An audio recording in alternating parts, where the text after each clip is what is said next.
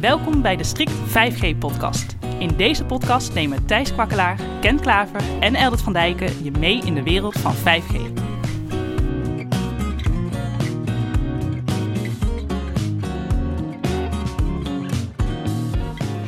Dit is de Strict 5G-podcast. Ik ben Thijs. Ik ben Eldert. En ik ben Ken. En vandaag gaan we het hebben over 5G indoor. 5G kennen we steeds beter, maar wat is dan indoor? Indoor dekking, indoor mobiliteit? Eldert? Ja, dat is wel een hele aardige, dat mobiliteit. Ehm, ik was samen met een collega druk bezig om een indoor systeem ergens uh, neer te zetten. En mijn collega sprak iemand van uh, het gebouw waar we uh, ook over in discussie waren.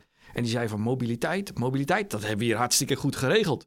Dus toen zaten we elkaar echt aan te kijken. Wacht even, uh, hoe is dat hier dan uh, helemaal geregeld, uh, dat indoor en dat mobiliteit? Nou, zegt hij, bij ons hebben we extra, extra brede deuren en we hebben keurige opstapjes. En dus mensen met een rolstoel kunnen perfect binnenkomen. En toen zaten we echt even te kijken. Oh ja, natuurlijk, dat is ook mobiliteit. Maar dat is niet de indoor mobiliteit waar we het vandaag over hebben. Dus allereerst, wat, wat bedoelen we met indoor? Nou, indoor is denk ik de dekking door mobiele netwerken uh, binnen gebouwen. Kijk, de mobiele netwerken in Nederland behoren tot de beste ter wereld. De drie mobiele operators hebben echt uitstekende dekking. Is ook recent weer uh, onderzocht door een onafhankelijk onderzoeksbureau. maar het is vooral voor buiten. Ja, en binnen is het toch een ander verhaal. In, in, in gebouwen, in kantoorpanden, in, in woningen is de dekking aanzienlijk minder. En het komt voornamelijk doordat je natuurlijk eigenlijk afgeschermd bent van het, van het buitennetwerk. En zeker met de moderne eisen aan ja, warmteisolatie. Uh, worden ramen met name gecoat hè, om zeg maar, de warmte zoveel mogelijk binnen te houden. En dat heeft ook een negatief effect op, uh, op uh, instraling van, van radiogolven van buitenaf. Ja, het mooie is, die coating kun je herkennen aan het feit dat die ramen vaak blauw van tint zijn. Hè? Dus zeker alle moderne kantoorgebouwen, eh, of zeker waar nieuwe gebouwen gezet worden, zie je vaak heel veel glazen gevels. Dat is modern, dat is mooi, of dat vinden architecten heel gaaf. En wat je ziet is dat er dan vaak een blauwe kleur is. En dan weet je al, ja, dit is uh, zeer energiezuinig uh, glas. Het isoleert geweldig goed. En die blauwe tint komt eigenlijk van de metaaloxiden die op dat glas gedempt zijn. En ja, dat metaal zorgt ook voor een geweldige isolatie van de warmte. Maar metaal zorgt ook voor een geweldige isolatie van de radiogolven. En wat je dus ziet is dat, uh, zeker met het drie glas, dat het, radiosignaal met een factor 1 miljoen wordt gedempt. Dus dat wil eigenlijk zeggen, als je buiten prima kan bellen, dan weet je zeker dat er binnen helemaal niks over is. Dus heb je binnen aanvullende voorzieningen nodig om uh, voldoende signaal te krijgen, voldoende bereik op je mobiele telefoon. Hè, te herkennen aan de streepjes. Nou, je ziet vaak als je buiten in de tuin staat dat het zo'n prima vijf streepjes zijn. Of drie streepjes, weet ik het, wat het maximum is. Maar als je binnen bent, uh, en zeker in zo'n gebouw met, uh, met gekoten ramen, dat het echt aanzienlijk minder is. En daar moet je dus iets voor doen. En zeker in bedrijfsomgevingen waar je behoefte hebt aan mobiele communicatie binnen. ja, moet je dus iets doen. En dat, dat kan door daar een uh, inpandig antennenetwerk te laten aanleggen in de verschillende varianten. Daar gaan we het zo meteen vast nog wel over hebben. Uh, maar je moet dus iets doen met, met, met binnenantennes als het ware, om gewoon binnen ervoor te zorgen dat het bereik ook gewoon goed blijft. We hebben tegenwoordig toch ook gewoon uh, bellen over wifi. Dus op die manier zou je het dan toch ook kunnen oplossen. Kijk, ieder, ieder kantoorpand heeft gewoon zijn eigen wifi-netwerk. En je telefoon die kan dan gewoon lekker overschakelen op het, op het wifi-netwerk en via die kant bellen. Ja, ik, ik heb daar al eens over nagedacht. En volgens mij is een hele goede test om dat eens te kijken of dat echt goed werkt. Is om een Teams call te doen en door het gebouw heen te lopen. En een Teams call kun je dan op je smartphone doen of op je laptop. En lopen ze een rondje door het gebouw, door de gangen, eh, naar boven, naar beneden met een trap. En zolang je Teams call eh, zonder enige problemen door blijft gaan, dan denk ik dat het ook prima geschikt is dat betreffende wifi-netwerk in dat betreffende kantoor. Maar Kom dan eens een half jaar later terug en dan kan het alweer heel anders zijn. We zien nu bijvoorbeeld al dat heel veel kantoorpanden redelijk leeg zijn. Dat de wifi-verbindingen nu nog voldoende uh, capaciteit hebben om al die uh, gebruikers nu aan te kunnen. Maar op het moment dat er meer mensen in kantoren weer terugkomen, dan weten sommige gebouweigenaren al van ja, dan zakt mijn wifi door zijn hoeven. Dus dan zit je gewoon met een capaciteitsissue soms van het wifi. Maar als je uh, bijvoorbeeld rondloopt en het wifi-signaal af en toe al wordt onderbroken, dan is dat nou typisch iets wat wifi minder goed is dan mobiele netwerken. Omdat wifi niet van zichzelf gemaakt is om heel goed van de ene zender naar de andere over te gaan. En in wifi heet het ook romen. Dus wat je eh, van echt de eh, verbinding met de ene zender loslaat en doorgaat naar een volgende zender. Terwijl een mobiel netwerk praat je over mobiliteit, namelijk dat je continu van de ene zender naar de andere gaat met zo weinig mogelijk verstoring. Dus eigenlijk zeg je, als je toch gaat bellen en je moet het via wifi doen, blijf maar lekker zitten. Nou ja, er zijn al wifi-leveranciers die zeggen... joh, maak je geen zorgen. Die handovers die doe ik net zo snel als 4G of 5G. Maar het is dan wel uh, niet generiek. Dus dat is heel sterk afhankelijk van wie heeft dat wifi-netwerk gebouwd, hoe goed is het, hoe goed wordt het onderhouden en uh, is het echt ook geschikt voor dat stukje mobiliteit. En het lastig is als je dan praat over bellen over wifi, dan praat je eh, voor een mobiele operator vaak een instelling die je op je toestel moet doen. En als je een Samsung hebt of een Apple, dan heb je mazzel, dan werkt het meestal goed. Maar heb je een ander merk toestel, een LG of een Oppo of welk ander merk dan ook, dan kan het heel goed zijn dat dat op een KPN mobiel netwerk prima draait, maar op het T-Mobile weer niet. En andersom, een toestel wat bij T-Mobile of Vodafone het heel goed doet, kan het bij KPN bijvoorbeeld weer voor problemen zorgen. Dus het is ook heel lastig om dat te regelen. Daarnaast hebben heel veel wifi-netwerken gewoon vanuit security allerlei uh, beperkingen over wie wat allemaal in dat netwerk mag doen. Dus op het moment dat je gasten binnenkomen in een kantoor en je moet ze eerst zeg maar op dat wifi-netwerk zien te krijgen met een wachtwoord en een speciale code. En dan pas gaat het hele belfeest uh, door. Dan kan het zelfs nog steeds zijn dat er een firewall ergens in zit die vanuit security perspectief wat dingen tegenhoudt, inclusief die spraakverbinding. Dus een, een voice-over wifi oplossing zou het prima kunnen doen. Maar in een groot kantoor en een wifi-netwerk waar je geen controle over hebt. En gebruikers waar je uh, zeg maar ook gasten bij verwelkomt. En merken toestellen waar je geen controle over hebt. Nou, en dit is in een normaal kantoor vaak aan de hand. Ja, dan heb je gewoon problemen. Ja, dus er moet eigenlijk een andere oplossing voor komen. En nou ja, Ken, je zei al, er zijn er een paar verschillende smaken, varianten in. Ja, nou ja, uh, de inbandige antennenetwerken uh, wordt ook wel DAS genoemd, hè, van gedistribueerd antennesysteem, een distributed antenna system. Ehm, doe dat nog eens. Distributed Antenna System. een das, ja. Een das. Dus een niet das. iets wat je op je nek doet, maar... Nou ja, dan kan je wel de das omdoen als je het verkeerd aanlegt misschien. Hè. Um, maar een das heb je eigenlijk in een aantal smaken. Um, van oudsher kennen we zogenaamd passief das. Uh, en daarnaast heb je een actief DAS en nog een combinatie daarvan. En ja, er zijn misschien nog andere varianten te verzinnen. Maar een passief DAS is eigenlijk de basisvorm. En dat betekent eigenlijk dat je door je gebouw een, een netwerk aanlegt van, van coax-kabels en antennes. En die coax-kabels komen helemaal onderin het gebouw uit in de technische ruimte. En daar hang je een, een zender neer van uh, een van de mobiele operators. En die verzorgt als het ware het radiosignaal in de dekking in het, uh, in het gebouw. Wat dan via die coax-kabels naar die antennes wordt getransporteerd. En, en help even, Ken, coax, is dat niet zoiets als onze tv-kabel? Ja, net zoiets. Ja, dat kan je mee vergelijken. Ja, het is uh, uh, vaak wel van iets betere kwaliteit en daardoor iets, dik, iets dikker. En ook daardoor ook moeilijker aan te leggen en daardoor ook vaak duurder. Ja, want volgens mij die buitenmantel met alles eromheen en de, en de afscherming komt soms aan 7 of 8 centimeter aan diameter. En meestal heb je er een paar van nodig in een heel gebouw. Dus. Ja, wat je dan ziet vanuit zo'n centrale technische ruimte zou je zo'n hele dikke kabel moeten trekken uh, naar een verdieping. En, en, en op zo'n verdieping splitst het naar uit naar allerlei verschillende gangen. He, dat kan dan weer met een iets dunnere kabel. Dus he, een soort van spinnenweb, een soort netwerkarchitectuur kan je daarvoor uh, uh, uh, bouwen. Een soort sternnetwerk, zeg maar. Maar je bent eigenlijk gewoon een compleet nieuw rioleringsnetwerk als je kijkt naar de dikte van de buizen uh, bijna aan het aanleggen. Nou ja, precies. Hè? En dat is zeker voor het grotere gebouwen uh, ja, erg duur en, en omvangrijk en kostbaar. Um, en daardoor is er ook uh, gekeken, is, nou, zijn er inmiddels andere mogelijkheden. Actief, dat is er een van. En daarbij maak je gebruik van uh, voeding naar de antennes, zou je kunnen zeggen, door middel van, uh, van, van ethernetbekabeling of glasvezel zelfs. Um, en daarvoor zou je zelfs een deel van het bedrijfsnetwerk kunnen gebruiken dat er al ligt. Dus dat maakt het bekabelen aanzienlijk eenvoudiger. Want ja, gewoon een CAT6, CAT7 kabel is natuurlijk veel dunner en veel makkelijker aan te leggen dan een dikke coax-kabel door zo'n gebouw betekent wel dat je aan de antennezijde vaak meer actieve apparatuur nodig hebt. Die uh, de zaak dan toch weer wat uh, kostbaarder maakt. Ah, ja, ik wou zeggen, want dan zou ik denken van uh, als dat actief makkelijker is aan te leggen, dan. Leggen we overal actieve dassen neer. Ja, precies. Maar het hangt erg af van de gebouwarchitectuur.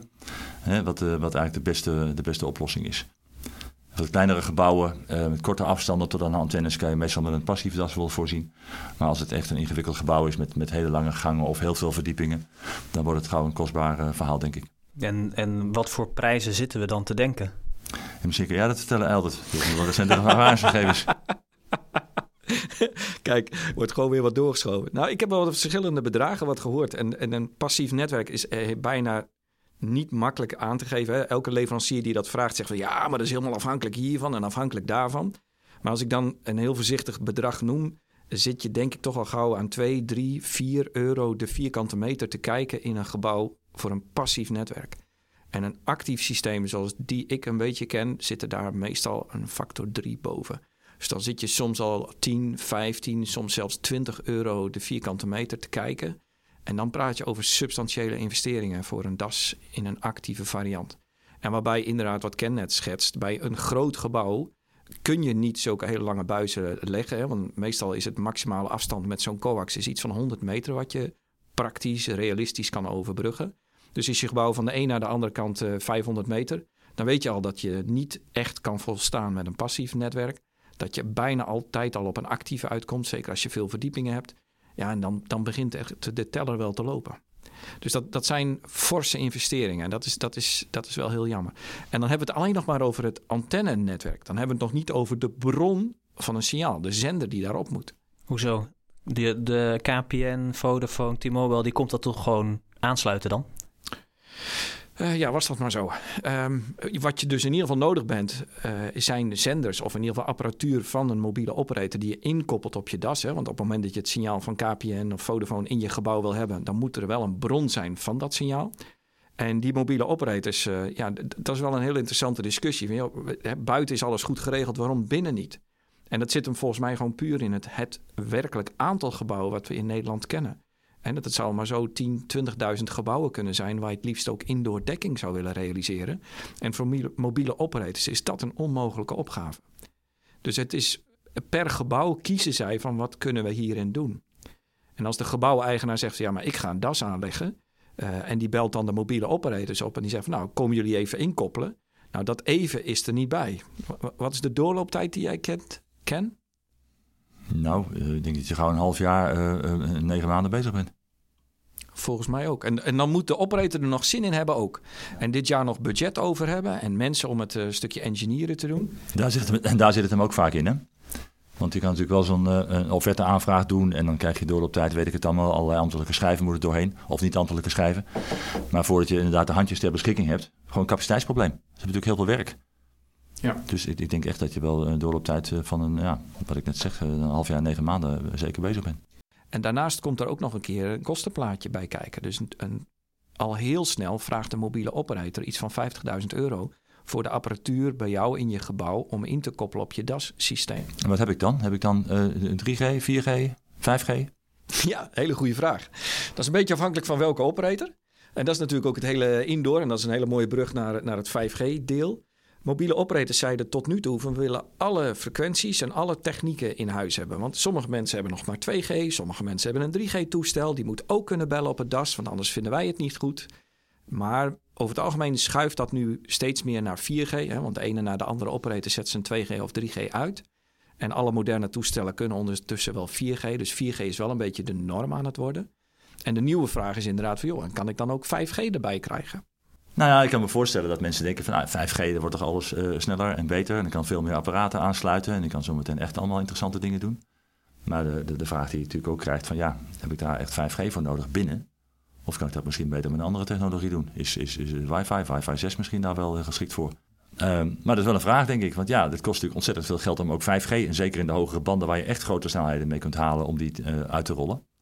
Stel ik mij zo voor. Want ja, al die dassen die tot nu toe worden uitgerold, die lopen denk ik allemaal tot 2600, 2700 megahertz.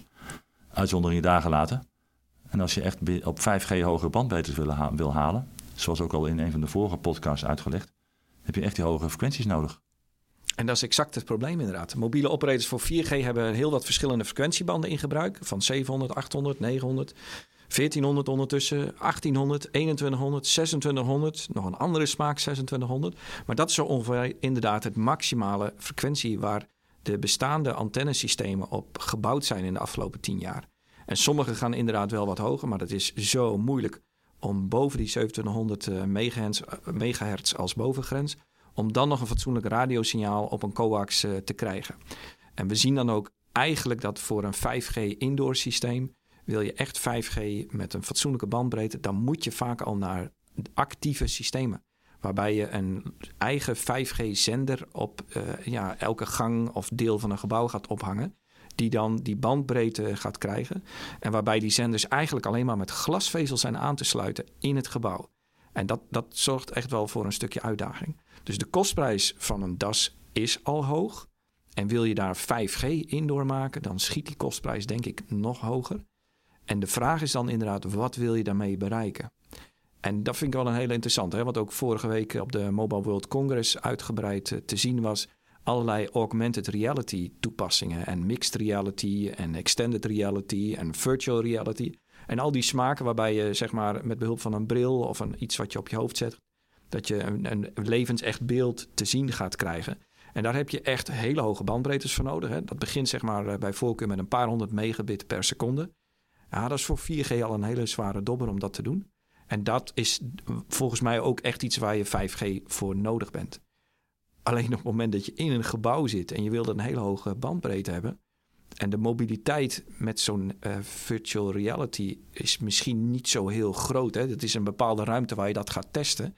Dan vraag ik me inderdaad af hoe belangrijk is het dan dat je in het hele pand 5G-dekking krijgt. En dan zou het met wifi misschien veel slimmer en makkelijker te realiseren zijn. Hangt toch weer van de toepassing inderdaad af. Hè? Voor de meeste toepassingen zou wifi uh, of wifi 6 uh, wellicht prima zijn. Maar ik ken een geval uh, weer uit de luchtvaartsector. Uh, waarbij Lufthansa de inspectie van vliegtuigen, vliegtuigmotoren... Uh, via een private 5G-oplossing heeft gerealiseerd omdat het natuurlijk al in een hangar is. Dus een vrij groot gebied. Misschien met wifi wat moeilijker te bestrijken. Veel metaal, want een vliegtuig. Ja. Dus mobility is daar best een, een, issue, zal ik maar zeggen. En daar is dus gekozen voor een private 5G-oplossing. Om uh, een klant op afstand te laten witnessen hoe zo'n test verloopt. En de uitslag van zo'n test ook via uh, virtual reality wordt, ja. uh, wordt gedeeld. Dus bij uitstek een uitstekende use case hiervoor.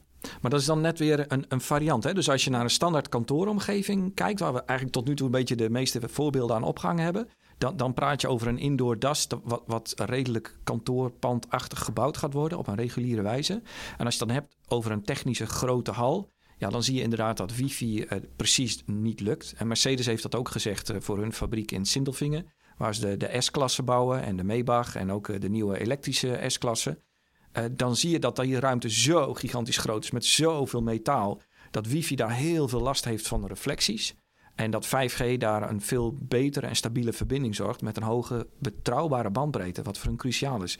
Hetzelfde voorbeeld eigenlijk als, als wat Lufthansa in een grote hal ook heeft. Je zal het bij de logistiek ook heel veel zien, warehousing, dat soort dingen. Waar enorm veel uh, dingen worden gerobotiseerd en dergelijke. Ja. ja. waar wifi toch wat minder presteert wellicht, door allerlei reflecties en metalen objecten, noem maar op. Ik weet dat wifi daar minder presteert. We hebben ook al een paar keer een klant mogen helpen om te zeggen van nou heb je een beter alternatief. Alleen die schrikken dan soms van de prijs. En dan, dan wordt er ook soms vanwege de devices die alleen wifi geschikt zijn. En als je dan zegt ja met 4G kan het veel beter werken. Zeggen ze ja maar onze devices doen het niet en onze fabrikant wil dat niet ondersteunen. Dus we gaan het maar op wifi houden. En dat, ja, dan denk ik van ja dat vind ik dan toch wel jammer. Want dat is dan niet de beste technische oplossing. Je ziet eigenlijk dat, dat uh, indoor dekkingssystemen, dassen, dat het uh, steeds meer wordt gezien als een, als een nutsvoorziening. Uh, net als dat je, je water en, en, en stroom zeg maar in een pand nodig hebt, heb je ook nou ja, een indoor dekkingssysteem nodig. En wordt ook al zodanig beschouwd en wordt vaak tijdens het bouw ook al door een grote aannemer aangelegd. Op standaard specificatie. Dus die bouwen standaard al coaxkabels en allerlei bekabeling bouwen ze zeg maar mee. Nemen ze mee in de bouw. Ehm, alleen het aansluiten is natuurlijk even vers 2 en de te kiezen apparatuur. Maar uh, ja, het wordt steeds meer een commodity in die zin. Zeker bij grote bouwtrajecten. Ja, alhoewel het aantal fabrikanten van spullen voor het DAS is, denk ik, in Nederland op uh, de vingers van één hand te tellen. Dus er zijn een aantal hele grote merken die, uh, die een belangrijk aandeel in de markt hebben, die ook gerenommeerde ja, namen zijn, die betrouwbaar zijn qua kwaliteit, die de operators ook kennen. Hè. Dus als er een operator in moet koppelen op een, een DAS van een bepaald merk, dan zegt men: oké, dan weten we wat we voor ons hebben. En dan, hebben we de ja, dan maken ze zich daar weinig zorgen over. En zal dat niet een discussiepunt zijn bij de inkoppeling. Maar als je kijkt naar het aantal leveranciers van DAS-netwerken in Nederland, dan, hè, dus de mensen die het echt kunnen ontwerpen, de mensen die het fatsoenlijk kunnen bouwen, dat je denk ik ook uh, met de vingers van één hand, uh, uh, dus het zijn er minder dan vijf volgens mij. Kijk, wat nu wel al aan de hand is, is dat er een paar partijen in de markt zijn die ook een volledige ontzorging van een das aanbieden aan eindklanten. Waarbij een groot gebouweigenaar uh, kan zeggen van nou, ik heb eigenlijk helemaal geen zin in die hele das technische discussie. Of ik heb er geen verstand van. En ik heb er ook echt helemaal geen zin om daar heel veel moeite in te stoppen. en bovendien die de hele discussie met de mobiele operators, als dat maanden duurt. Man, als ik zie hoeveel mankracht en tijd dat vergt. Ik heb zin, ik laat dat graag door een ander doen. En er zijn nu een paar partijen die dat als complete package aanbieden, waarbij het technisch ontwerp, het hele afstemmen, het hele bouw en zelfs ook de financiering wordt geregeld. En dat is wel een hele ja, een propositie die voor een aantal partijen heel interessant is. Nou, we hebben het uh, nu vooral gehad uh, over kantoorpanden met prachtige constructies en, en gekote ramen. maar zijn er ook andere plekken te verzinnen waar zo'n das echt een uitkomst is? Nou, denk bijvoorbeeld aan, aan stationshallen. Het, station, eh, nou ja, eigenlijk alle grote stationshallen. Utrecht is een mooi voorbeeld. Hè? Een heel groot gebouw waar natuurlijk heel veel mensen komen. Ook heel interessant is voor mobiele operators om daar dekking aan te bieden. Omdat er veel mensen gewoon verkeer genereren, zeg maar. Dus daar is een, natuurlijk ook een das aangelegd. En dat geldt eigenlijk voor heel veel stations in Nederland. maar ook de Schiphol Terminal is zo'n zo'n gebied waar natuurlijk heel veel mensen komen. en daar is ook een, sinds een paar jaar een das aanwezig. Waarop alle mobiele operators zijn ingekoppeld. En het is een, nou ja, of lucratief is weet ik niet, maar het is een, een interessante constructie, zeg maar. Alle, alle partijen zitten erin, alle mobiele operators en Schiphol participeert daar zelf ook in. Het is een, een DAS wat gespecificeerd is zelfs tot 6 gigahertz. Zo is het ook okay. geadverteerd. Ja. Het is interessant, hè? Het is een, een, een, passief DAS, dat dan weer wel. Dus het gaat veel hoger dan die 2700 megahertz die we eerst noemden? Het gaat in ieder geval hoger dan de 2700 megahertz. Okay. 6 gigahertz is nog niet getest, bij mijn weten. Um, dus het biedt in ieder geval mogelijkheden om straks ook 5G uh, daar te gaan gebruiken.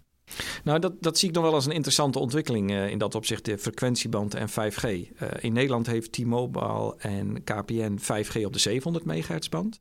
Vodafone heeft 5G op de 1800 band gecombineerd met 4G.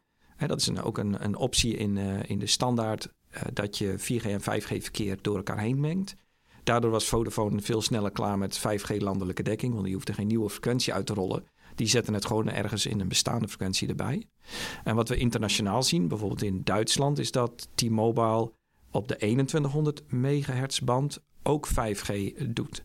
En de reden voor hun is vooral om indoor inkoppelingen te doen op een middenfrequentie die prima door bestaande dassen wordt geaccepteerd. En dat is ook wel iets wat ik in Nederland verwacht. De Nederlandse operators uh, zoals KPN, die zijn daar zachtjes mee begonnen. Uh, T-Mobile nog niet. Nou ja, Vodafone heeft het al. En ik denk ook wel dat als je 5G indoor wilt hebben, dat dat in de middenfrequenties ook echt wel te doen is. Alleen is het dan echt 5G met enorme frequenties, of tenminste met enorme uh, megabits of gigabit datasnelheden? Dat lukt niet op die lagere frequenties. Dus je, misschien kun je wel uh, specifieke diensten krijgen op 5G. En, met slicing en emissiekritische toepassingen, dat is een ander onderwerp, daar gaan we nog een keer op terugkomen. Dan zie je wat is nou het nieuwe aan 5G, is dat je allemaal specifieke diensten voor bepaalde klanten kan bouwen. Ja, dat zal waarschijnlijk wel mogelijk zijn met een indoor dekking met 5G. Maar een volledige, uh, ja, alle 5G-dienstverlening in een bestaand gebouw op lage frequenties. Ik zie het nog niet gebeuren de komende jaren.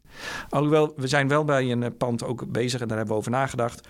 Uh, om te kijken dat je een, een massive MIMO-antenne, waarmee je dus hele hoge bandbreedtes uh, gaat krijgen in 5G, dat je die met heel weinig zendvermogen in bijvoorbeeld de grote ontvangsthal van een groot kantoorpand of in het atrium uh, ophangt, waarmee je dan wel enkele tientallen hele hoge snelheden verbindingen kan realiseren. En dat je dat zeg maar op basis van één uh, Massive MIMO-antenne doet. Ja, je gaat niet het hele pand voorzien van zo'n DAS op die hoge frequentie, maar alleen op een gebied waar dat voor gebruikers interessant is. Dus er, er zit nog volop muziek in en we zijn er nog lang niet. Maar de komende twee jaar heb ik er een beetje een zwaar hoofd in in 5G en indoor. Op die noot gaan we over naar onze afsluitende rubriek. de eerste keer dat. De eerste keer dat, ja, ik heb deze keer nog een aardig voorbeeld. En dat heeft met name te maken over ja, kunnen bellen in het buitenland. En wij vinden dat tegenwoordig zo normaal als wat. En sterker nog, sinds een paar jaar zijn er ook geen prijsverschillen meer tussen gebellen en gebeld worden in het buitenland of in Nederland. En dat is, in dat opzicht heeft de Europese Unie ons veel voordeel gebracht. Maar vroeger waren ook mobiele netwerken van het ene land niet compatibel met een netwerk van het andere land, omdat de technologie heel anders was. En Nederland had met het eerste mobiele netwerk, en dat was een ATF3-netwerk, het Autotelefoonnet 3. Dat was gebaseerd op eh, NMT als standaard. En dat was de Nordic Mobile Telephony standaard. Die werd dus, zoals je al kan horen, de Nordics, dus de Scandinavische landen, daar was het ontwikkeld. Dus Zweden, Noorwegen, Denemarken, ook Finland, die hadden die netwerken. Nederland had dat ook, dat had KPN geselecteerd. En ook Swisscom in Zwitserland had dat netwerk. En mijn zwager had ook een NMT-toestel. En wij waren nog net student af, zeg maar. En hij reed naar Italië om daar op vakantie te gaan. En toen hij stopte in Zwitserland, kon hij even bellen en, en met ons contact maken. Niet in Duitsland. En ook in Italië, waar hij naartoe ging, daar werkte het niet. Maar op zijn tussenstop in Zwitserland, daar kon hij naar huis bellen. En dan kreeg je ook gewoon een belletje van hem met zijn internationaal nummer. Nou, dat was voor mij echt zo'n de eerste keer dat. En ik dacht, wow, het werkt. Had, je had er niet zoveel aan, maar het was wel gaaf dat het werkte. Dit was de Strict 5G podcast met Eldert, Ken en Thijs. Abonneer je op de podcast zodat je direct weet wanneer er weer een nieuwe aflevering is. En laat ons ook vooral weten wat je ervan vond.